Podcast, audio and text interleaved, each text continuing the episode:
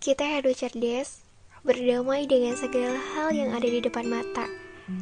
Ketika malam, jangan hanya fokus pada gelapnya saja. Coba lihat di luar, ada banyak bintang berkelip dan indah. Begitu juga ketika dalam masalah, jangan fokus pada kesulitannya saja. Coba luaskan pandangan, ada begitu banyak hikmahnya di sana yang bisa diambil sebagai pelajaran. Call you